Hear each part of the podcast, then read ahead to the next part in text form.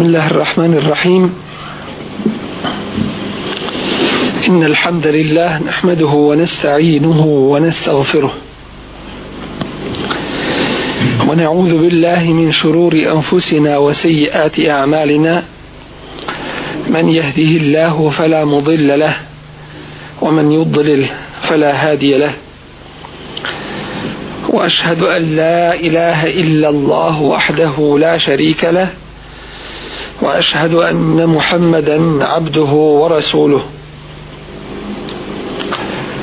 أرسله الله بالحق بشيرا ونذيرا بين يدي الساعة من يطع الله ورسوله فقد رشد ومن يعص الله ورسوله فلا يضر إلا نفسه ولا يضر الله شيئا أما بعد فإن أصدق الحديث كتاب الله وخير الهدي هدي محمد صلى الله عليه وسلم وشر الأمور محدثاتها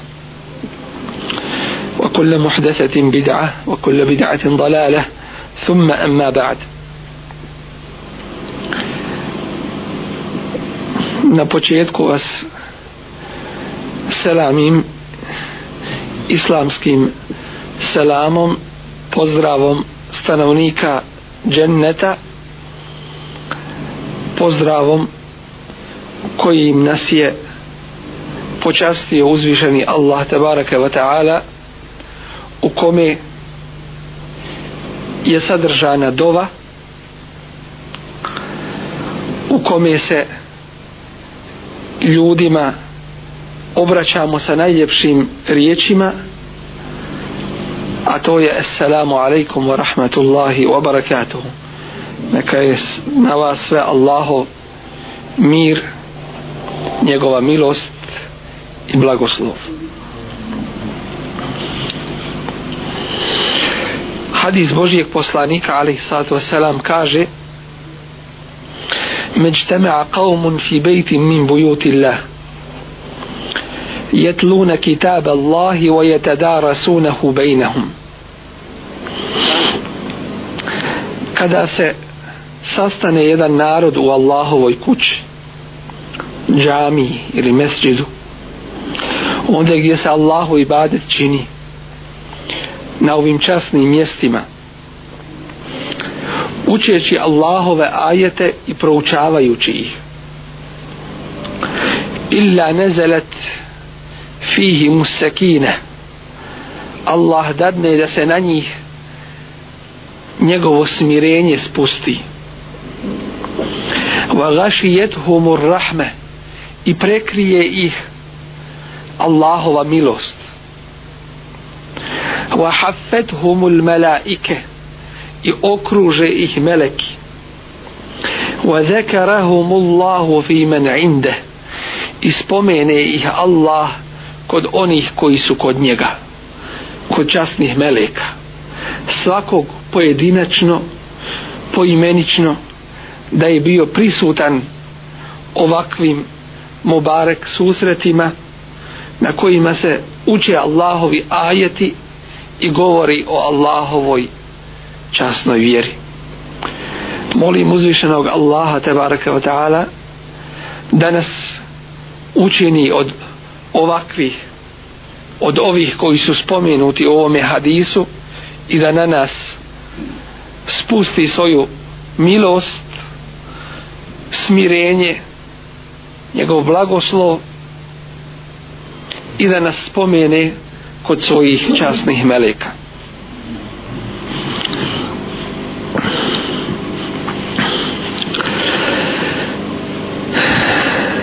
velika je čast i blagodat uzvišenog Allaha Đalešanuhu u tome što nam je ukazao i omilio put imana put iskrenog vjerovanja iskrenog i ispravnog vjerovanja ولكن الله حبب إليكم الإيمان a Allah je dao da zavolite iman vjerovanje da vam to drago postane وكره إليكم الكفر والفسوق والعصيان إداو إذا زمرزيت كفر نفيرستو غريشيني إن بسلوشنست أولئك هم الراشدون توسو أني كويسو upućeni fadlem min Allahi wa ni'me kao blagodat uzvišenog Allaha njegovo dobročinstvo koliko je onih koji su na zlom putu koliko je onih kojima je šeitan uljepšao njihova loša djela uzvišeni Allah Đelešanu traži od nas puno manje nego što traži prokleti šeitan ali opet se ljudi odazivaju prokletom šeitanu i mnogi napuštaju put uzvišenog Allaha i rekao je prokletnik šeitan وَلَا تَجِدُ أَكْتَرَهُمْ شَاكِرِينَ i većinu ljudi Allahu nećeš naći da ti zahvaljuju Allah traži da klanjaš jaciju namaz i klanjaš i to zauzima jedan određeni period određeno kraće vrijeme i mnogi se ne odazivaju a šeitan traži po svu noć da se igra i pleše u mračnim zadimljenim zaglušujućim prostorijama i objeručke se odazivaju i to prihvataju وزين لهم الشيطان ما كانوا يعملون i šeitan im uljepšava ono što oni čine ta zla koja radi i u ovome vidimo jednu veliku mudrost uzvišenog Allah tabaraka wa ta'ala a to je mudrost upute nije teško saznati istinu nije teško ni dokazati istinu.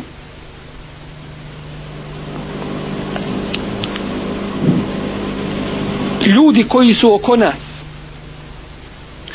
koji su našli put kako da naprave avione, rakete, kompjutere, automobile, svu ovu tehniku koju vidimo oko nas – zar im je bilo teško i nemoguće shvatiti da ima da postoji gospodar svih svjetova uzvišeni stvoritelj Allah Đelešanu zar Kur'an nije bio dovoljan i nije dovoljan zar nije dovoljan ljudima da im bude jasnim dokazom da je ovo istina ali ne radi se samo o znanju već se radi i o znanju i o prihvatanju jer da je po toj definiciji po tome obrazloženju imana da je dovoljno znati da ima Allah da je dovoljno znati da je Allah jedan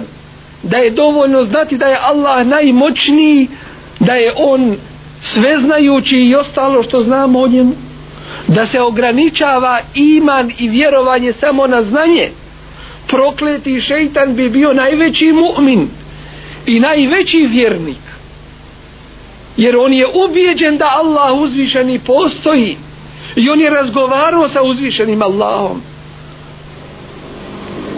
čak je prokletnik rekao Rabbi anvirni ila jeumi yubathun gospodaru moj ostavi me da živim do dana proživljenja priznaje uzvišenog Allaha za gospodara ali opet uzvišen je Allah kaže eba odbio je westekbar i uzoholio se wa kane minal kafirin i postao od kafira od nevjernika a kafir u osnovi riječi znači onaj koji zagrće nešto onaj koji zagrče istinu ne da da se ona širi neće da je pokazuje dakle nije pitanje samo znanja već je puno važnije još da se po tome znanju radi da to znanje vodi radu i to ćemo vidjeti i naći u prvoj Allahovoj objavi a to je ikra bism rabbi kellezi halak uči saznaji proučavaj u ime tvoga gospodara koji stvara što znači da onaj koji uči doći će do istine saznaće istinu ali mi u stvarnosti vidimo mnoge koji uče, ali istinu ne prihvataju. Možda su je saznali, ali ne dolazi do njihovih srca. Ne prihvata se ta istina kod njih. Zašto? Upravo što nije ostvaren taj osnovni uslov, a to je bismi rabbik u ime tvoga gospodara. Uči sa određenim ciljem, uči da saznaš, ući da sebi odgovor dadneš na osnovno pitanje zašto si došao na ovaj svijet odakle ti na ovome svijetu ko te je doveo, ko te je donio jesam zalutao s druge planete gdje ćeš ići gdje je tvoj kraj gdje je početak, a gdje je kraj i kakav treba da bude tvoj život ispitaj, raspitaj se pa ćeš saznati nisu smogli, nisu htjeli da smognu i najmanje snage da se potrude da pitaju za svoj život odakle su i gdje idu i šta treba na ovome svijetu da rade ako ih pitaš za novine znaju za časopise znaju za televizijske programe znaju za futbalske klubove znaju za one koje nazivaju zvijezdama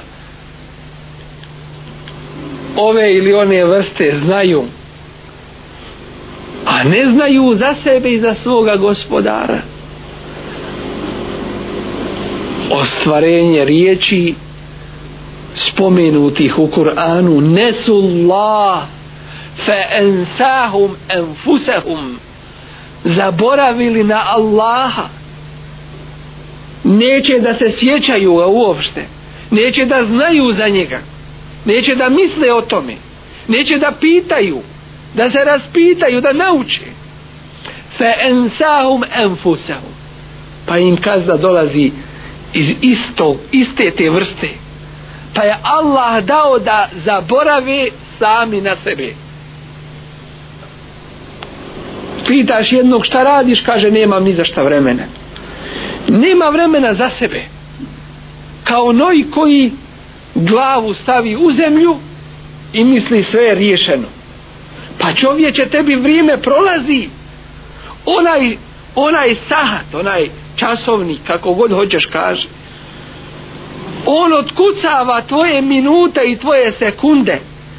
Vrijeme tvoga života kad dođe posljednja sekunda ne ima te medicine koja će ti garantovati i toga osiguranja koje će ti obezbijediti život da se nastavi i da džae eđeluhum la jestahiruna saaten wa la jestakdimun kada im dođe njihov eđel to je onaj čas kada duša mora izaći iz ovoga tijela la jestahiruna sa'atan wa la jestakdimun neće ni jedan čas se to odgoditi već tačno u tom određenom vremenu mora nestati toga života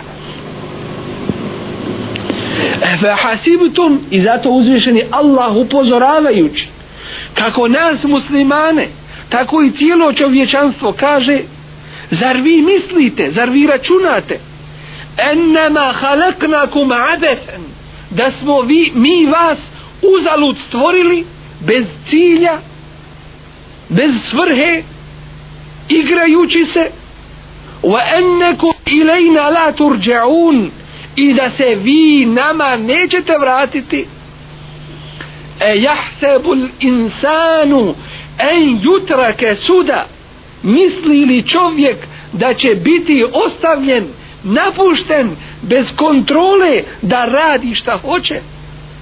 Da se to ne zna šta je radio?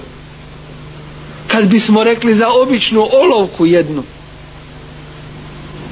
da je sama nastala, nikola mu to ne bi povjerovao. A čovjek sebe zavarava pa kaže slučajno sam nastao ne imam svoga gospodara na uzubila samo sebe zavarava dok mu ne dođe taj određeni čas misli li čovjek da neće biti pitan za ovu Allahovu blagodat blagodat ove vjere uzvišeni Allah nam se obraća ko smo mi da gospodar svega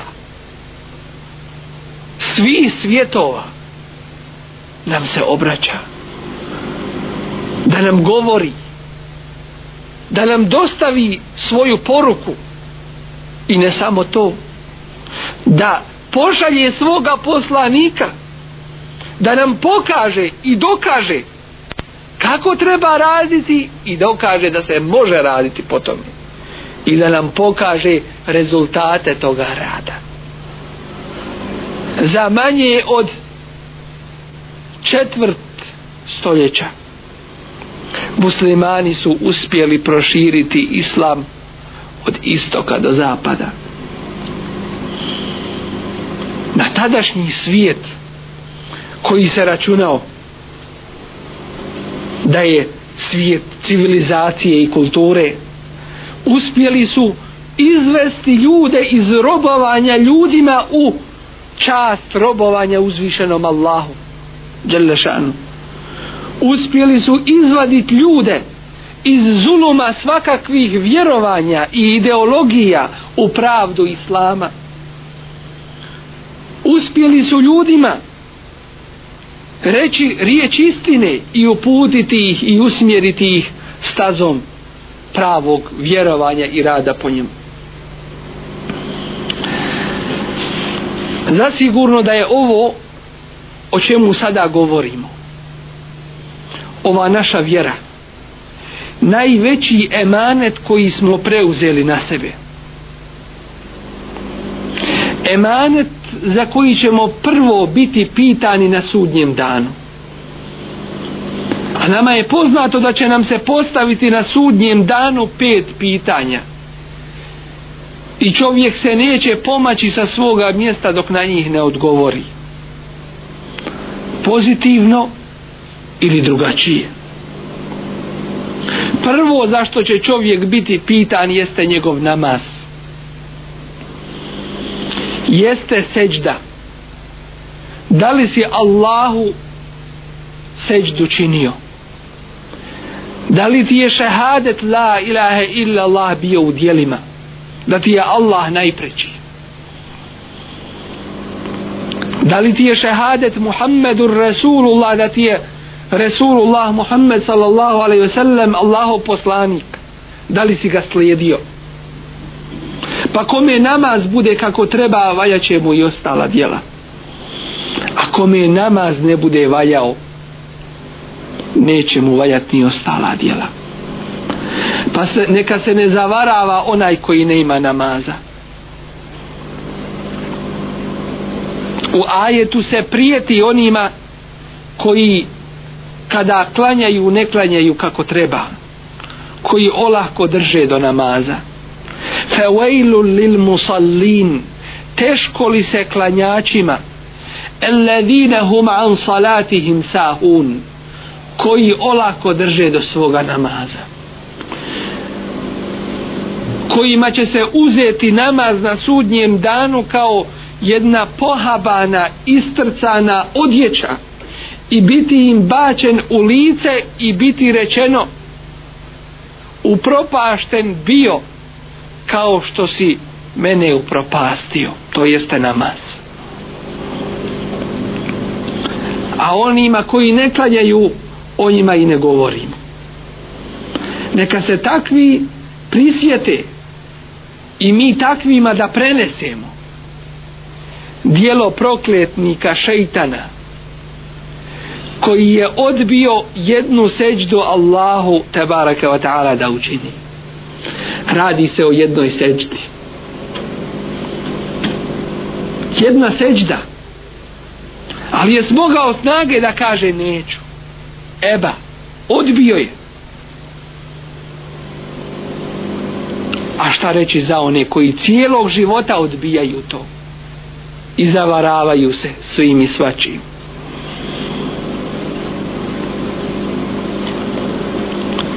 nesretnik je onaj koji krene za svojim strastima i lažno se u Allaha nada to nam je Resulullah sallallahu alaihi sallam rekao i poručio jer nije iman i vjerovanje bitte menni wala bitte halli po nadama i po hvalisanju i kićenju već ma waqara fil qalbi wa saddaqahu al amal ono što se učvrsti u srcu i bude potvrđeno dijelima.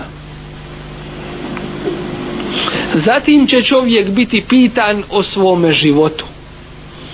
Gdje je svoj život i u šta ga je potrošio? To jeste tvoje vrijeme. Gdje si vrijeme svoje potrošio? Jer vrijeme ti nisi to zaradio. Dao ti ga je uzvišeni Allah. Jesi li njemu u pokornosti? Ili si bio nepokoran? Elem ja'lem bi enne Allahe jera ili je možda čovjek mislio ili nije znao da Allah vidi sve pa će biti pitan za svoju mladost to jeste za svoju snagu u šta je svoju snagu potrošio je li pustio šeitanu da ga vodi i snagu mu crpi kroz strasti kroz nevaljalštine i harame ili je to Allahu u pokornosti potrošio zatim će biti pitan o znanju da li je po njemu radio da li si znao o svome gospodaru da li si znao učiti u Kur'anu ili je bilo takvo svatanje da je dovoljno da hođa zna učit ili svatanje da kad umremo proučit će nam neko nešto za ono što nismo stigli mi u svome životu učit zar je na tome stepenu i na tome nivou naša vjera i naš Kur'an Allahova objava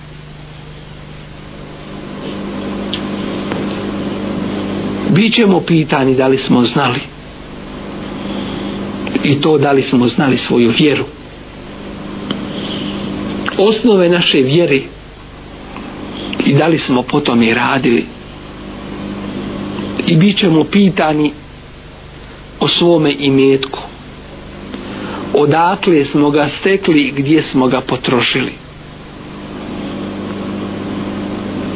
vrijeme tvoje snaga tvoja znanje tvoje i imetak tvoj da li je sve to bilo kako treba i da li je to sve bilo usmjereno vjerom od Allaha objavljeno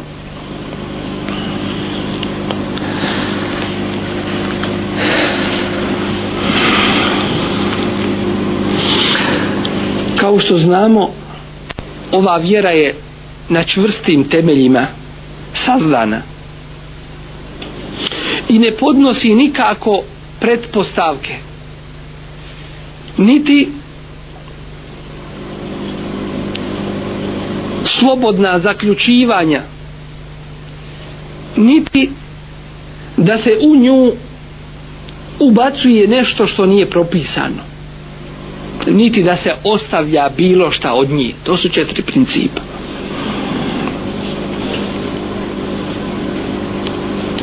Ne smije se ništa od njih izbaciti. Kao što se ne smije ništa od njih ostaviti.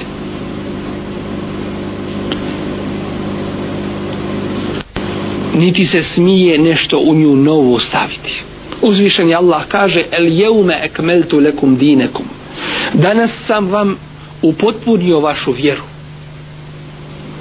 wa etmemtu alejkum ni'meti i svoju blagodat upotpunio wa raditu lekum ul islame dina i zadovoljan sam da vam islam bude vašom vjerom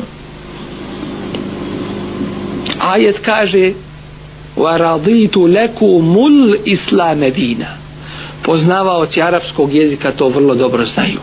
Šta znači? Rečeno je el-Islam. To jeste poznati onaj Islam. Ne nešto što ljudi rade pa su to nazvali Islamom. Već onakav kakav ga je uzvišeni Allah objavio preko svoga Resula. Ali i sad vselam takav je islam a na drugom mjestu kaže uzvišeni Allah efe tu uminune bi ba'd il kitabi wa tekfurune bi ba'd zar ćete vjerovati u jedan dio knjige a drugi ne vjerovati to znači jedan dio islama uzeti a drugi napustiti i ostaviti Resulullah sallallahu alaihi ve sellem kaže nam u svome hadisu Terektukum alel bejda lejluha ke nehariha la jezigu anha illa halik ostavio sam vas na jasnoj stazi čistoj bijeloj ne može sa nje skrenuti osim propalica i isto tako kaže tarektu fikum emrejni len te dillu ma in temesektum bihima ostavio sam vam dvoje nećete skrenuti nećete otići na krivi put dok se toga budete držali kitab Allahi ve sunneti Allahovu knjigu i moju praksu ovo nas upućuje na jasan princip princip da našu vjeru trebamo uzimati sa ubjeđenjem i jasnim dokazima i da ona nije građena na ičijoj proizvoljnoj volji jer se ovdje ne pita šta ljudi vole i žele i traži već se ovdje traži od njih da se pokoravaju svome gospodaru ne da oni sebi uspostave i izglasaju vjeru pa da kažu Allahu ti ovo od nas prihvati ovako već se traži da budu pokorni ne traži se da izmišljaju neku novu vjeru već da slijede ono sa čime je došao Allahov poslanik Muhammed sallallahu alaihi wasallam u suprotnom pod kuranskim su riječima in je tebiuna illa zan wa inna zanne la yugni min al haqqi shay'a oni samo slijede svoje pretpostavke a pretpostavke pred istinom ništa ne koriste dakle, dakle vjera je onakva i može biti samo onakva kakva je objavljena izvorna i čista a nikako onakva kakvu je mi možda zamišljamo ili kakvu bi neki htjeli da kakva bi kakvu bi neki htjeli da bude ona među osnovnim principima ove vjere jeste da su tri uslova za primanje dobrih dijela kod uzvišenog Allaha da onaj ko radi da je musliman jer se od nemuslimana bilo kakvo dijelo koliko god veliko i dobro bilo ne može primiti ne prima alaikum salam nakon što je došao Muhammed sallallahu alaihi ve sellem kao Allahu posljednji poslanik nema više niko od nemuslimana opravdanja da ne vjeruje u njega. Ajet koji nam kaže inna alladhina amanu walladhina hadu wan nasara was-sabiin man amana billahi wal-yawmil akhir wa 'amila salihan falahum ajruhum 'inda rabbihim wala khawfun 'alayhim wala hum yahzanun.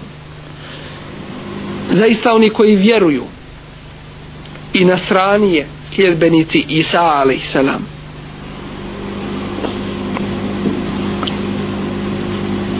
i židovi i nasranije i sabejci sljedbenici Zebura svi oni koji su vjerovali u Allaha i sudnji dan i činili dobra djela njima pripada nagrada kod njihovog gospodara za njih straha ne ima niti će biti zabrinuti ovaj ajet se odnosi na židove i sljedbenike Isa a.s. i sljedbenike Davuda i sljedbenike Musa a.s. do perioda dok te vjere nisu iskrivljene do perioda dok poslanici novi nakon njih nisu došli. Nakon što je došao Muhammed, Resulullah sallallahu alaihi ve sellem, svi oni koji ne tjednu u njega da vjeruju su džehennemlije. Koliko god se trudili u svojim ibadetima i u svojim vjerskim obredima. Resulullah sallallahu alaihi ve sellem kaže tako mi onoga u čijoj je duš, u čijoj je ruci moja duša. Onoga koji vlada mojim životom. Nema ni jednog židova niti kršćanina koji ne povjeruje u mene, a da neće biti od stanovnika džehennema. To su oni koji su opisani kuranskim riječima amiletu nasibe tasla naran hamije koji su se trudili i nastojali i umorili se, a na kraju će u džehennemić. Jer nisu imali osnove vjerovanja. Dakle, prvi uslov za dobra djela jeste da ga čini musliman. Drugi uslov jeste da je to dijelo propisano vjerom, da nije izmišljeno, da nije novotarija, u hadisima kao što se spominje kaže se za nju bidat nešto što je u vjeru ubačeno a to vjerom nije propisano men ahdese fi emrina hada ma lejse minhu fehu varad sahih hadis Božijeg poslanika ali sad sam kaže ko u našoj vje, vjeri ko u našu vjeru uvede ono što nije od nje to je odbačeno neće biti prihvaćeno kod uzvišenog Allaha trojica ljudi dolaze i pitaju kakav je život bio Božeg poslanika ali zato salam kako on živi pa su obavješteni da on i klanja i odmara se i posti ima dana kada ne posti i tako dalje a oni kažu on je Božji poslanik kao da su se nadali da će nešto više od toga naći mi nismo došli na Dunjaluk da 24 sata provedemo u džamijama u nas nema monaštva u, u islamu i monaštvo je izmišljeno i u prošlim vjerama nije ga Allah objavio wa rahbanijeten ibtada'uha ma ketebnaha alihim a monaštvo, isposništvo i tako dalje ibtedauha, to su oni kao bidat, kao novotariju uveli u svoju vjeru ko? kršćani ma ketebnaha alehi mi to njima nismo naredili ille btigaa redvanillah samo što su oni time željeli, željeli da postavimo Allahovo zadovoljstvo fema reauha hakka rajetima pa nisu ispunili ono što su željeli jer ne može, nije prirodno. Nismo došli na ovaj svijet za isposništvo, da se zatvorimo u džamija. Ali nam s druge strane vjera kaže, vjera ti je sve. Nije samo u džamiji. Znači, kad izađeš u, tvoj, u tvom odnosu sa ljudima, u društvu, u porodici, u svemu ostalom. Omer radijallahu anhu ulazi u džamiju i vidi skupinu ljudi u sred bijela dana kako sjede u džami i pita ih šta vi ovdje radite kažu mi smo ovdje došli da samo i bade samo smo se i bade tu posvetili samo i bade da činimo pa šta jedete šta biva s vas kaže nas hrani naša braća naredi Omer radijallahu anhu da se zatvore vrata i uzme onaj svoj štap I kaže, tako, ko vas je tako naučio da to radite? I dao im je dobru lekciju. Nema kod nas ljudi koji hodaju po havi, ufati se za njegovo džube i on će te u džennet uvesti. Ajet kuranski je objavljen Resulullahu sallallahu alaihi wasallam Allahovom poslaniku u kome se kaže ma edri ma yuf'alu bi wala bikum in etebi'u illa ma juha ilaj ja ne znam šta će sa mene biti ni šta će sa vas biti Allahova presuda to je bilo prije nego što ga je Allah Đelešanu obavijestio njegovo mjesto u džennetu ali mi ne znamo gdje ćemo mi biti ali neki hoće olako dženneta hoće olahko da sebi postave propise i mi ćemo po ovome raditi pa neka Allah pristane na ovo naše a mi teško je nama da se prilagodimo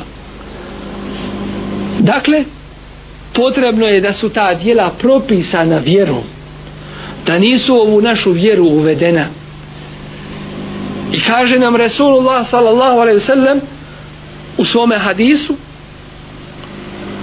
Iyakum wa muhdathatil umur.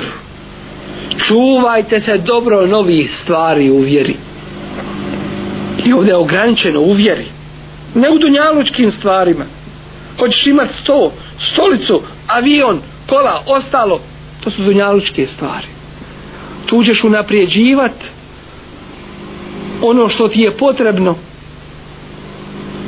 I to u skladu sa ciljem da ti to ne postane cilj već samo sredstvo do tvoga cilja a cilj je Allahovo zadovoljstvo širenje Allahove vjere rad za uzvišenog Allaha nismo došli na dunjalu da se igramo i zabavljamo nismo došli da skačemo da plešemo i tamburamo već smo došli da radimo da zaradimo da se potrudimo i nakon toga kaže Resulullah sallallahu alaihi wasallam la yudhilu ahadakum amaluhu al-janna nikoga od vas vaša djela neće uvesti u džennet wala anta ya rasul allah zar ni tebe o allahu poslanče wala ana čak ni mene illa an yataghammadani allah bi rahmeti samo da me allah svojom milošću prekrije tako mogu i to mu je i obećao neka niko se ne zavarava da kaže to sam i to uradio meni je garantovan hadisova je sahih ispravno prenesen od Božih poslanika ali sa tzama. dakle dijelima tražimo Allahov, Allahovu milost samo Allahovo milošću se u džennet u džennet ulazi kada bi sva ova naša dijela stavljena na, na jedan tas bila stavljena na jedan tas na jednu stranu vage a s druge strane samo jedna Allahova blagodat blagodat ovog očnog vida prevagnula bi ova Allahova blagodat Dakle, ne možemo Allahu uzvišenom ne zahvaljivati. Ali možemo onoliko koliko smo u stanju biti mu pokorni, voliti ga, znati o njemu i raditi za njegovu vjeru. Da bismo dobili njegov rahmet, njegovu milost. Kaže nam Resulullah sallallahu alaihi ve sellem i jakum muhdetatil umur. Dobro se čuvajte novotarija u vjeri fe inne kulle muhdesetin bid'a jer svaka novotarija uvjeri vodi u bid'at a svaki bid'at je dalalet tako nam Resulullah sallallahu sallam kaže obilazeći neka mjesta u jednom od gradova u Evropi jedan vodič nas je doveo pred vrata jedne crkve na ulazu samome iz desne i s lijeve strane bile su dvije kamene posude napunjene vodom pa nas to zainteresova i pitamo iz te grupe zašto služe ove posude a on nam kaže ovi koji ulaze unutra da izvršavaju svoje obrede, zamoće svoj prst i to znači na taj način se čiste. Kaže, to je kao kod muslimana abdest. Pogledajmo mi da se naša vjera mijenjala kroz ovo 1400 godina. Šta bi bilo od našeg abdesta i od našeg tahreta i od gusula bilo bi samo u moći prst i sve si završio nemoj jest masno a jedi sve ostalo Teferić pravi Uederi ledine tehadu kaže nam Kur'an ostavite one nemojte im obraćat pažnju koji su uzeli dinehom svoju vjeru leiben velehven za igru i zabavu dođe na ilahije kaside, misli to mu je sva vjera. Šta je naša vjera lijepa? Sredi mu se tamo djevojaka, kaže, vidiš lijepe nošnje? Djevojka je bolja kad se pokrije. Jeste bolja, ali nije došla tebi da bude izložba ovde. Vagarret humul hajatu dunja. One koje je dunjalučki život zavarao. Cilj mu je samo zarada. To mu je cilj postalo. To mu je svrha života postalo. A kasnije to postane sredstvom njegovog azaba. وَذَكِّرْ بِهِ I opomeni njime, to jeste Kur'anom. En tubsele nefsum bima kesebet. Zbog onoga što je čovjek zaradio da ne požali jednoga dana. A požali će zasigurno. sigurno. I treći princip za prihvatanje dobrih dijela kod uzvišenog Allaha jeste da su iskreno učinjena u ime Allaha, a ne u ime ljudi, a ne u ime časti nekakve dunjalučke ili bilo čega drugoga.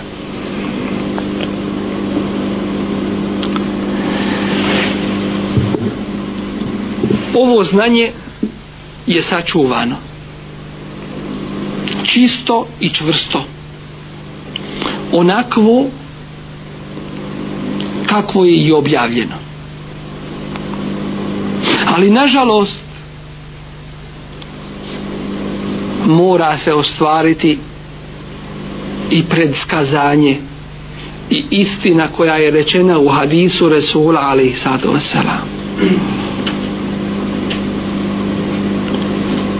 إن الله لا ينزع هذا العلم انتزاعا uzvišeni Allah neće odjednom od ljudi uzeti ovo znanje وإنما ينزعه بقبض العلماء već će ga uzimati od ljudi uzimanjem učenih među njima hatta idha lem yubqi alimen tako kada dođe do toga vremena da više među ljudima ne bude učeni i tehaze nasu ruusen džuhala ljudi će uzeti za svoje prvake džahile neznalice neznalice u vjeri na to se neznanje odnosi jer su oni vrlo znani u dunjalučkim stvarima i poslovima ja'lamuna zahiran min al-hayati dunya znaju od dunjalučkog života ovo što vide svojim očima materialisti dunjalučar fadallu wa adallu takvi su zalutali i takvi će drugi odvoditi na krivi put mi vidimo da se broj onih koji znaju, znaju smanjuje i zato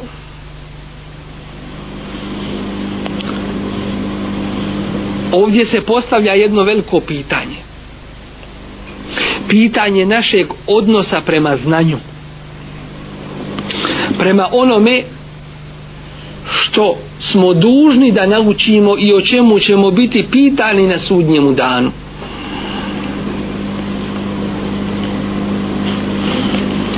na pitanje ko je to alim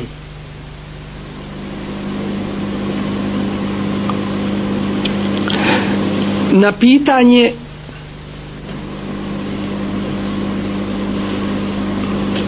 kakav naš odnos treba da bude prema tim učenim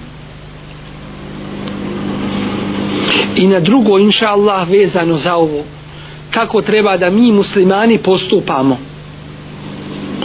kada se raziđemo u nekim i o nekim pitanjima. Ako Bog da inša Allah u sljedećim kazivanjima bit će više riječi. Molim uzvišenog Allaha da učini i dadne svoju blagodat u ovim našim susretima, u ovom našem traženju znanja, a u isto vrijeme vas podsjećam na riječi Resulullah sallallahu alaihi ve sellem u kojima kaže Belligu anni walau aje prenosi ga muslim što znači prenesite ljudima od mene makar jedan ajet to jeste dužnost nam je i obaveza da ono što saznam što je ispravno da prenesemo drugima molim uzvišenog Allaha da nam dadne bereket u svemu ovome. Amin. Amin. Amin. Amin.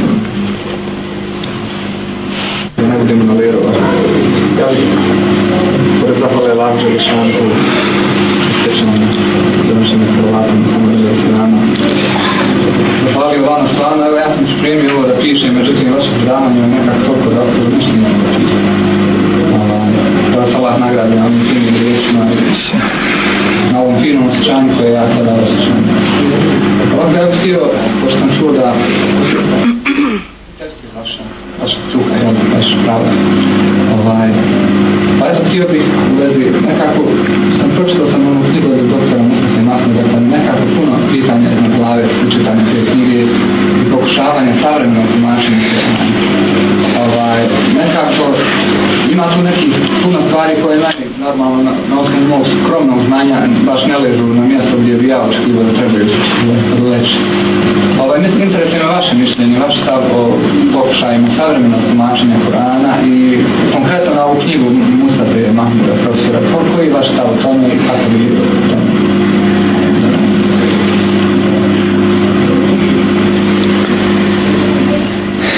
بسم الله الرحمن الرحيم الحمد لله والصلاة والسلام على رسول الله وبعد nema sumnje da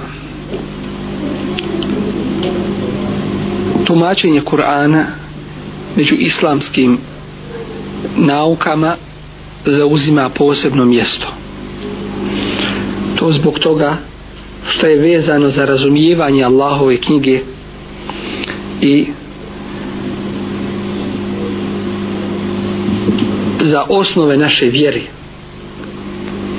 jer glavni i osnovni dokazi svega su uvijek na početku i na kraju opet vezani za Kur'an i Kerim.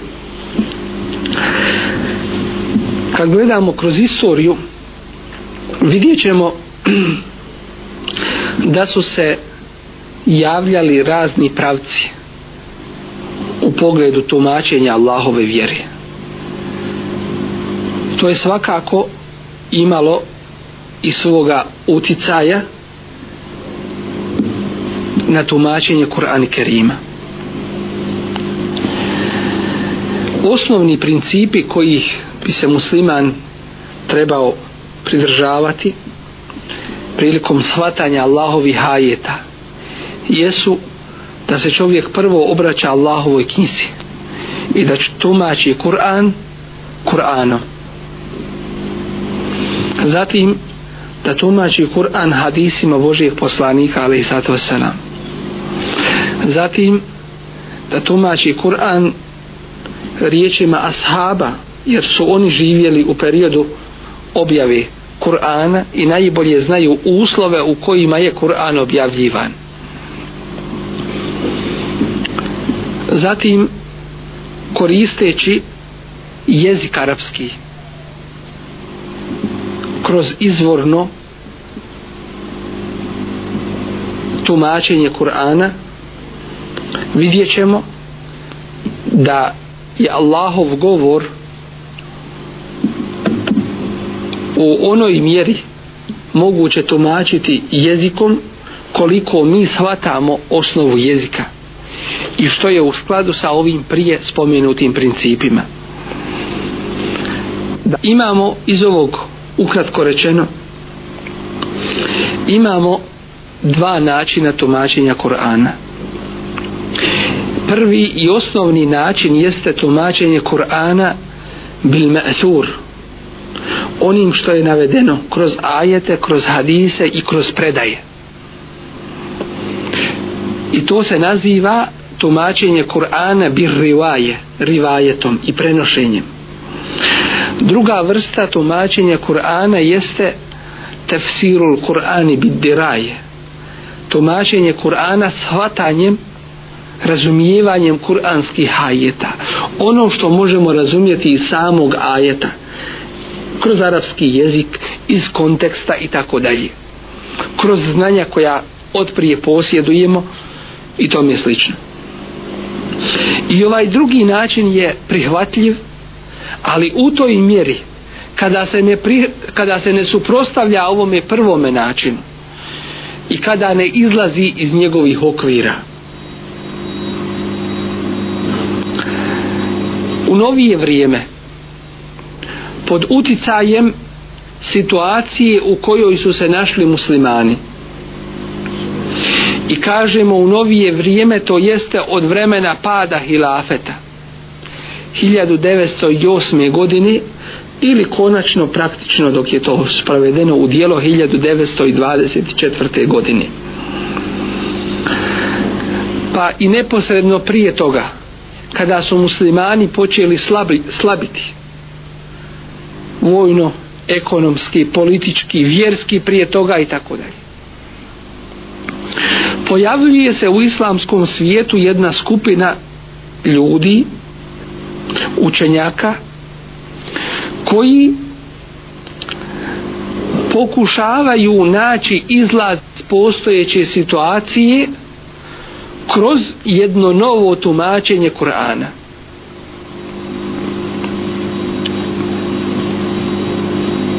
Koji nam govori da ono klasično tumačenje Kur'ana treba da se promijeni.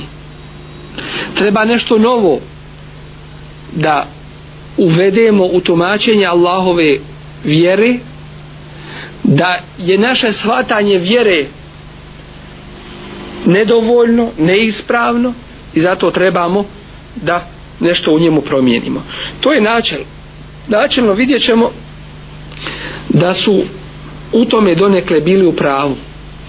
Upravo zbog toga što u tome periodu vjera se ograničila na džamije, na namaz, po, zekat, hađ, na ove islamske obaveze ibadeta, suštih ibadeta koje poznajemo, a odvojila se vjera od ekonomije, od politike, od svega društvenog života.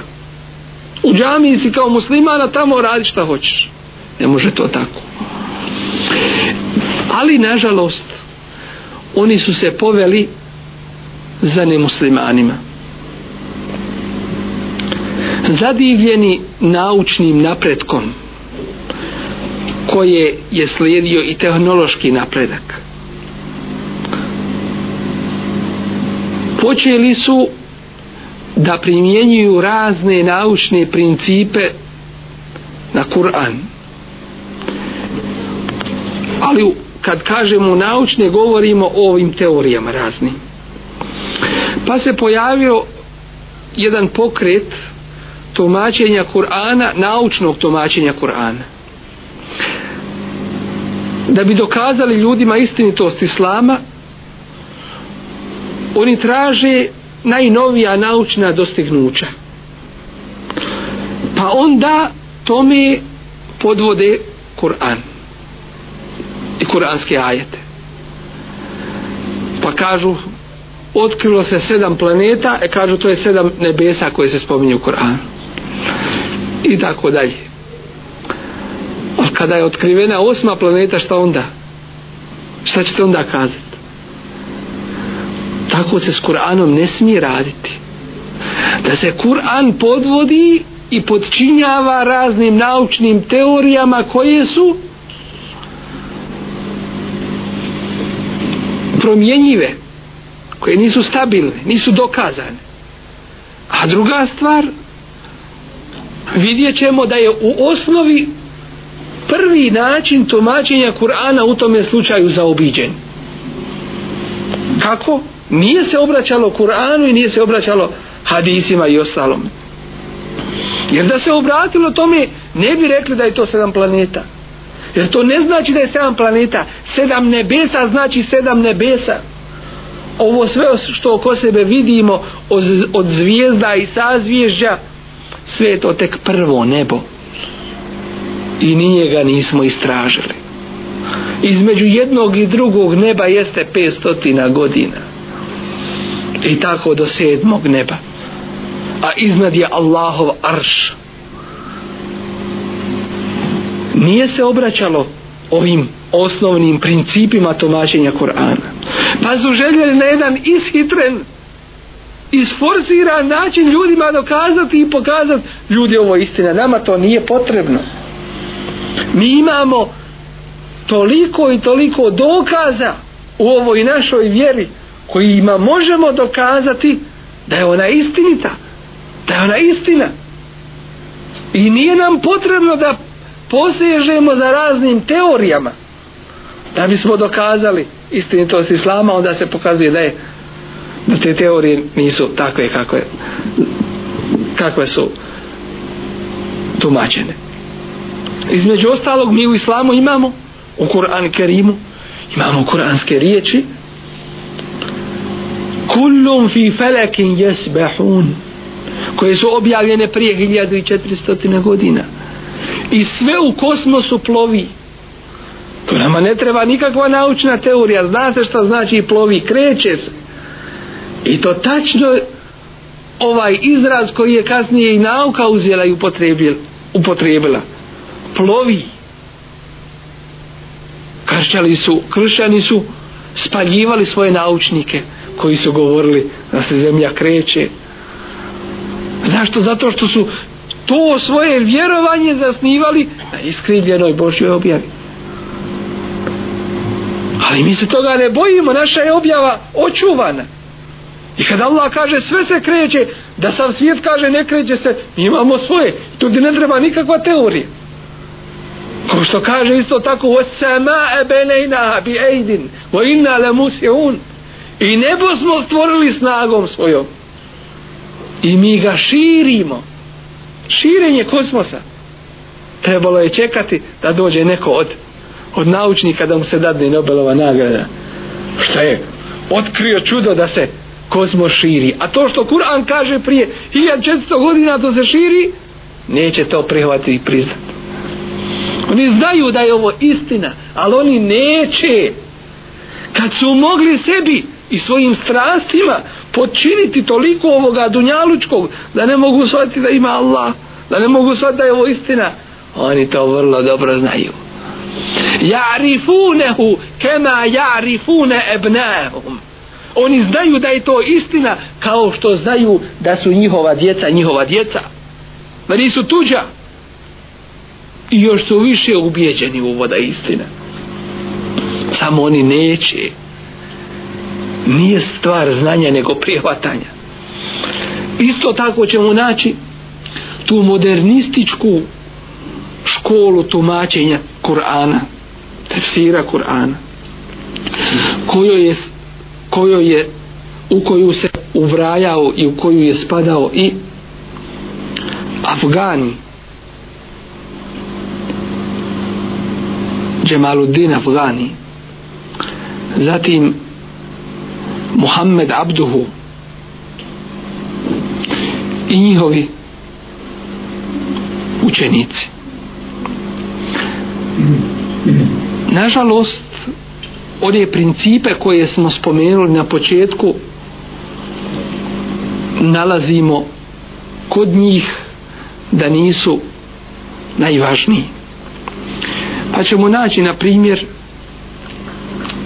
da nam govori Muhammed Abduhu jedan od modernista e, u tumačenju Kur'ana tumačeći kur'anski riječ kur'anske riječi wa arsala alayhim tayran ababil kao sa onim muđizama i čudima faraon kaže hajdem pokaži da bismo ti vjerovali kad im je pokazao kaže to je sihir to je magija čarolija neće dakle ne smije to biti naš put da mi gledamo da udovoljimo nemuslimanima na račun naše vjere ni pošto i nikada to je ta modernistička škola na koju upozoravamo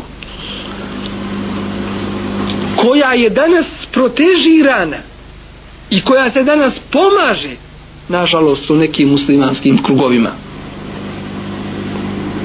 modernistička škola koja nam dolazi sa zapada koji nam kaže e, ako vi ovako protumačite Kur'an i Islam mi ćemo ga prihvat a opet ga ne prihvate škola Oxforda Sorbonne Amerike i bilo koja ga drugoga.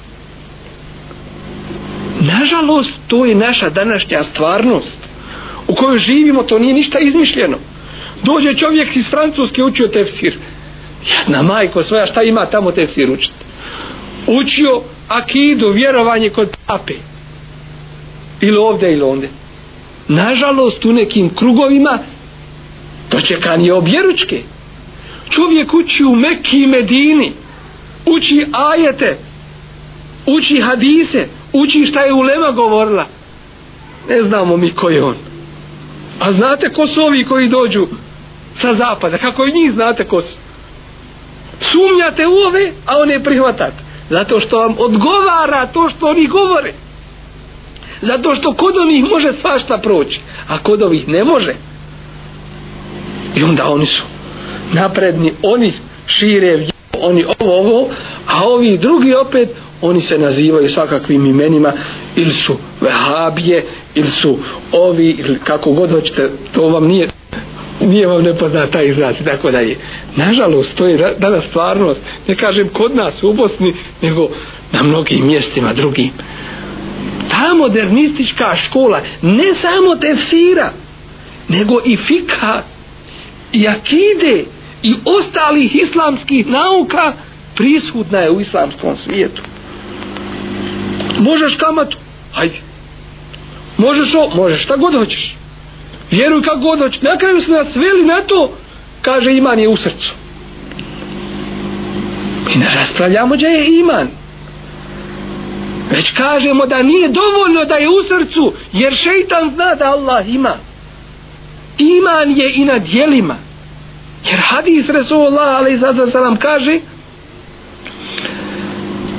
kaže nam el imanu bid'un wa seb'une šu'be iman se sastoji od sedamdeset i nekoliko ogranaka efdaluha qavlu la ilaha illallah najbolji, najefdalni jesu riječi la ilaha illallah wa ednaha imatatul eza anit tariq a najmanji vid imana je da ukloniš ezijet i nešto što smeta ljudima sa puta wal haya shu'batun min al iman a istid je jedan ogranak imana pa nam ovdje spominje tri tri područja gdje se ogleda iman nije dovoljan jedan bez drugoga to jeste riječi la ilaha illallah dakle da govoriš riječima da ukloniš rukom to jesu djela i treće stid ono što je tebi u duši dakle iman je ono što je u srcu i ono što je na jeziku i ono što je u dijelima a nije dovoljno ono što je samo u srcu i prije su se vodile i prije su se vodile rasprave o tome da li je dovoljno da je čovjek džennetlija time što pomisli time što pomisli da je ili vjeruje da je musliman a to ne izgovori svojim riječima ovo vam neću govoriti podrobno dovoljno je da vas uputim na knjigu i alhamdulillah i kasete su na tu temu izašle e, pod nazivom iz života tabijina unutra ćete između ostalih naći jedno vrlo poučno kazivanje o imamu Ebu Hanifi koji je raspravljao sa jednim od prvaka bidata u njegovo vrijeme koji se zvao Džehm i koji mu je na ovo pitanje vezano za iman da on nije samo u srcu nego se odražava i na drugim područjima dao vrlo jasan i kvalitetan odgovor. Pa potražite to u toj knjizi iz života ta vina ili u tim kasetama koje su snimljene na tu temu. Dakle, ona, ova današnja dešavanja u tefsiru i u bilo kojim drugim oblastima islamskih nauka vidjet ćemo da se to i prije događalo. Neki su nam u prošlosti došli i govorili koji su jednim riječima nazvani batinijama da bi obatalili i iskvarili ili stavili po strani značenje Kur'ana kažu Kur'an ima svoje unutrašnje i vanjsko značenje šta to hoće da kažu kaže vanjsko značenje koji ljudi mogu razumjeti iz Kur'ana a unutrašnje tumačenje to znaju evlije posebni ljudi to, to ne može svak znati Pa dobro, šta vam je dokaz da, da je to upravo što vi govorite to? Koji vam je dokaz? Kaže, mi to u srcu osjećamo. Što? Jer se na taj način dobiva vlast, monopol nad vjerom. A to je bilo kod priješnjih generacija, posebno kod židova, koji su opisani u kuranskim riječima la ja'lemunel kitabe illa emani. Oni ne znaju svoj kitab. Ne znaju te vrat šta piše u njemu znaju priče kazivanje došao Musa otišao Musa do, desilo se to ali šta je bilo ne znaju tako su neki htjeli da i sa našom vjerom budi da ljudi ne znaju učit Kur'an kažu dovoljno je kad umriješ proučet se hatma završeno s time ne moraš ti učit Kur'an kako ne moraš Bićeš odgovoran za to. Što si nepismenu Allahovo vjeri. Bićeš pitan da li si znao šta to Kur'an govori. Šta ti naređuje, šta ti zabranjuje, o čemu ti kazuje. Da si proši to to. Barem u prijevodu. Kad se radi o našem dunjaluku, možemo naučiti i danski, i njemački, i engleski, i nije nam to ništa teško kad se radi o našoj vjeri teško nam naučiti arapski jezik tu mi vagamo svoju vjeru na kom je stepen toliko smo zainteresovani za to kad neko nešto voli kad za nečim žudi kad za nečim izgara puno će toga uraditi da znaš da ćeš vidjeti svoju voljenu osobu u Bosni pješke bi odavde otišao a zar nam nije Allahova vjera najpreća dakle ovaj modernistički pokret tumačenja Kur'ana nosi sa sobom opasnosti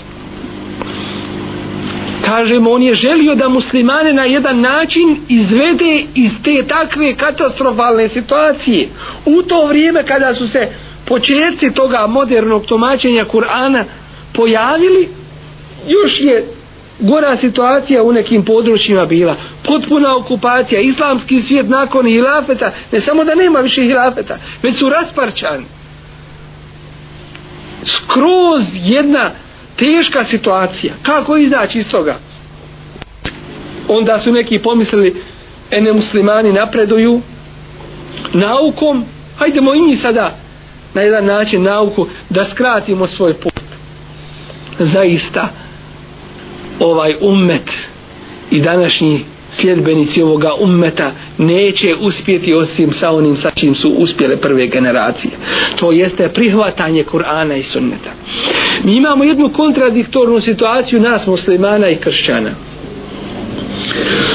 U Endelusiji, u Španiji, kada su muslimani tamo vladali, vidjet ćemo da su bili u svim oblastima nauke za uzor ljudima. U jednom periodu 40.000 učenika, sinova ovih evropskih kraljeva, plemića, učili su u Kordobi i Sevilji. 40.000. Čak je i jedan katolički papa završio na jednom od ovih univerziteta to značilo tad napreda kulturu civilizaciju sve što, što, što bi mogli samo zamisliti i onda se ovaj zapad zapitao kad kažemo zapad mislimo je nemuslimane inače zapad taj izraz nije baš najadekvatniji jer Allahu pripada istok i zapad i sve strane svijeta kad su vidjeli tu katastrofalnu situaciju zapitaše jedni drugi pa šta se ovo sa nama dešava? Naša djeca idu muslimanima da uče fik i pravo i ostalo. Jedan od učenjaka kaže, Napoleon, kada je uspostavio zakone u Francuskoj, koja i dan danas slavi taj datum kao uspostavljanje zakona u Evropi i tako dalje, uzeli su većinu stvari ovih pozitivnih zakona, uzeli su većinu stvari iz malikijskog mezheba zato što je u Španiji tamo bio malikijski mezheb i većina ovih stvari po tome upravo su jer su učili to na islamskim univerzitetima većinu ovih svojih zakona su uzeli upravo iz tih propisa jedni druge su kritikovali i ružili kažu dokle ćemo mi sebe dovesti kad naša omladina, naši pjesnici i pisci pišu na arapskom jeziku. To je jedno vrijeme bilo. I šta onda uradi, uradi ta Evropa? Zapitali su se šta je, šta je to dovelo muslimane da ovoliko napreduju? I kažu sebi dadno odgovor zato što se drže svoje vjere. A mi se svoje vjere ne držimo hajdemo se i mi svoje vjere držati. I počeše da se drže i svoje vjere. I šta se desi? Počeše naučnike spaljivati. I na njih na temu bacati. Muslimani nagrađuju naučnike. I postiću, učite i stražujte. To je Allahovo davanje. Oni kažu, ne, naša vjera ovako kaže, vi morate govoriti kako vjera kaže. A on je iskrivljeno. I onda su sebe doveli u jednu takvu situaciju da kažu, E ne može ni ovo. Mi nećemo uspjeti da odvje, dok ne odvojimo vjeru od državi. I to su tako i uradili. Kažu Bogu Božje, a caru carevo. Što znači, ne ima vjera da se petlja u ove poslove. Ko vam je to rekao? Kažu Marks. Opium za narode, pravo je rekao. Samo koja vjera? Ona iskrivljena ona je opijum za narode ali ne ova prava ispravna kako je vrijeme odmicalo vidimo da su napredovali u ovom dunjaluku ali su u moralu u, da ne nabrajam u svemu pali ispod onog stepena na kome su bili jer prije nije bilo ovakvih droga ovakvog ludovanja uživa da ludi to mu je uživanje današnji naš umet isto je to pomislio pa kažu pa mi muslimani pa mi nazadujemo što se držimo svoje vjere e ne nazadujete ali neki misle tako u islamskom svijetu neki tako još uvijek misle nažalost da su nazadovali zato što se drže vjere i kažu mi treba da, da živimo kao što žive nemuslimani i onda misli da je kulturan što će cuku nabaviti i ostalo radi što oni rade. I na taj način doći na jedan stepen kulture napretka. Ne može to tako. Ne može spavajući, jedući, pita i baklave. Nego treba radom i trudom, zalaganjem, zajedništvom i svime onim čime nas uči naša vjera to je to.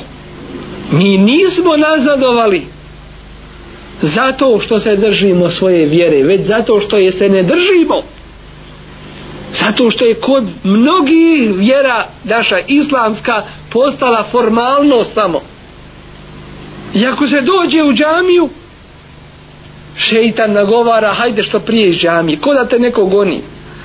A ako će se ući, subhanallah, elhamdulillah, Allahu ekber, Allahu ekber, po 33 puta jok i to smati da se ne zna šta učiš suvala svan svan svan svan hamda hamda Allah Allah šta si proučio da li ti osjetiš slast od toga ibadeta ništa broj se ispuni ali plodova nema ne možeš u proljeće imati plodove treba sačekati treba sačekati jesen da sazrije treba to kako treba izvršiti a ne formalno samo da se čovjek što kažu hajmo klanja da se kutarišemo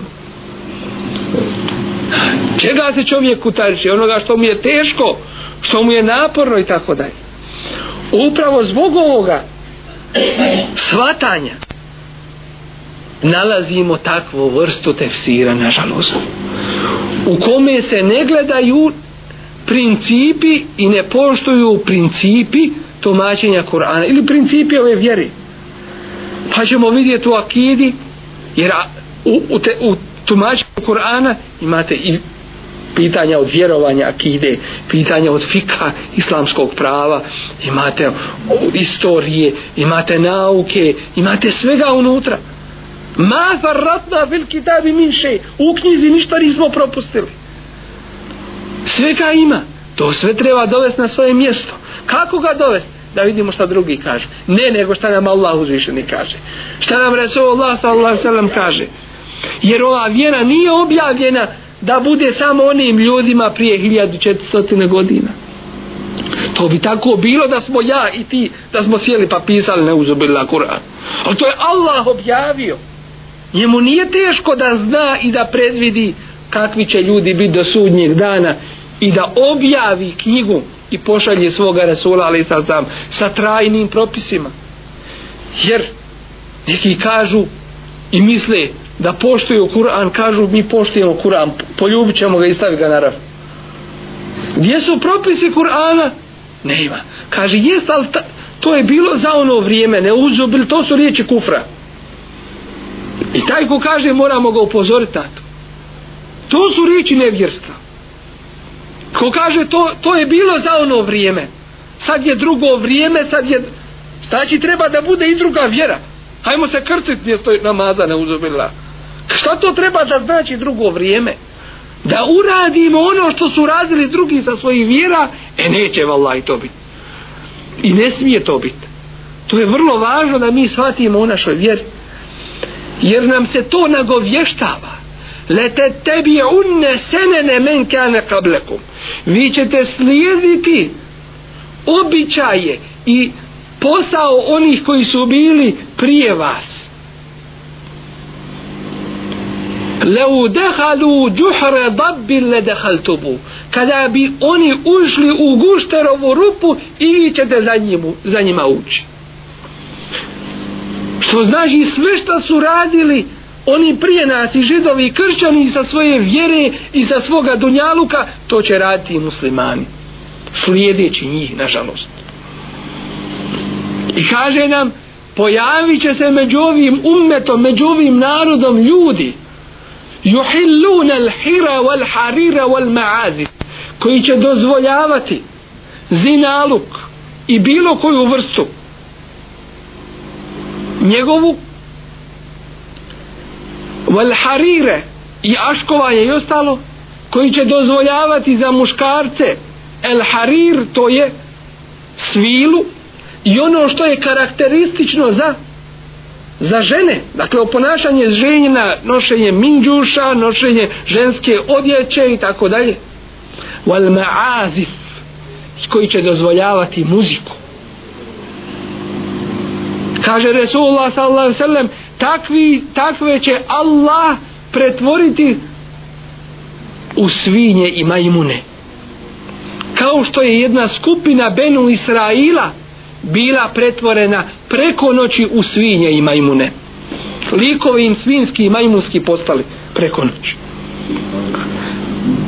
pa kada je to bilo objavljeno u Kur'anu onda kažu Džibril je naš neprijatelj zato što on naše sramote otkriva A kada se proširilo među ljudima, onda došli su sa Darwinom pa kažu čovjek nastao od majuna. Nema šta se ne radi. A s druge strane ne ima šta mi ne možemo saznati iz naše vjere. Ako se interesujemo za to. Dakle, ovo pitanje ja sam pokušao na način kako e, ćete shvatiti bilo koji drugi, novi pokušaj tumačenja modernističkog kako ga nazivaju tomačenja Kur'ana, modernog jedno. Čuvajmo svoju vjeru.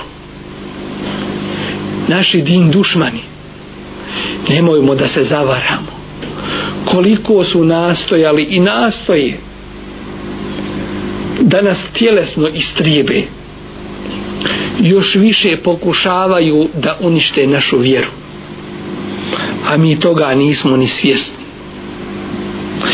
islam nije ničija privatna stvar ko što su pokušavali da nas uči to je lična stvar stvar pojedinca što znači ako je lična stvar možeš raditi šta hoćeš s druge strane od njih i niko se ne smije petljati u to tvoje ne hadis Resula a.s. nam kaže primjer onih koji se drže Allahovih propisa i, on, i onih koji olako je svataju je kao primjer jednog naroda koji se ukrcao u lađu jedni su bili gore a drugi dole ovi što su dole bili u potpalublju s vremena na vrijeme su izlazili gore da, da uzmu vode sebi pa su na taj način uznemiravali ovi iznad njih pa jedan od njih reče da mi prokopamo rupu u ovoj lađi da ne smetamo ovima iznad nas. Ovi dođoše i pitaju šta to hoćete, kaže mi vas uznemiravamo. Mi hoćemo ovdje rupu za sebe da, da prorovimo. Ako ih ostave da to učine, propašće jedni i drugi. Ako ih spriječe, spašeni će biti jedni i drugi. Tako i sa vjerovanjem. I zato je naređivanje dobra i odvraćanje od zla.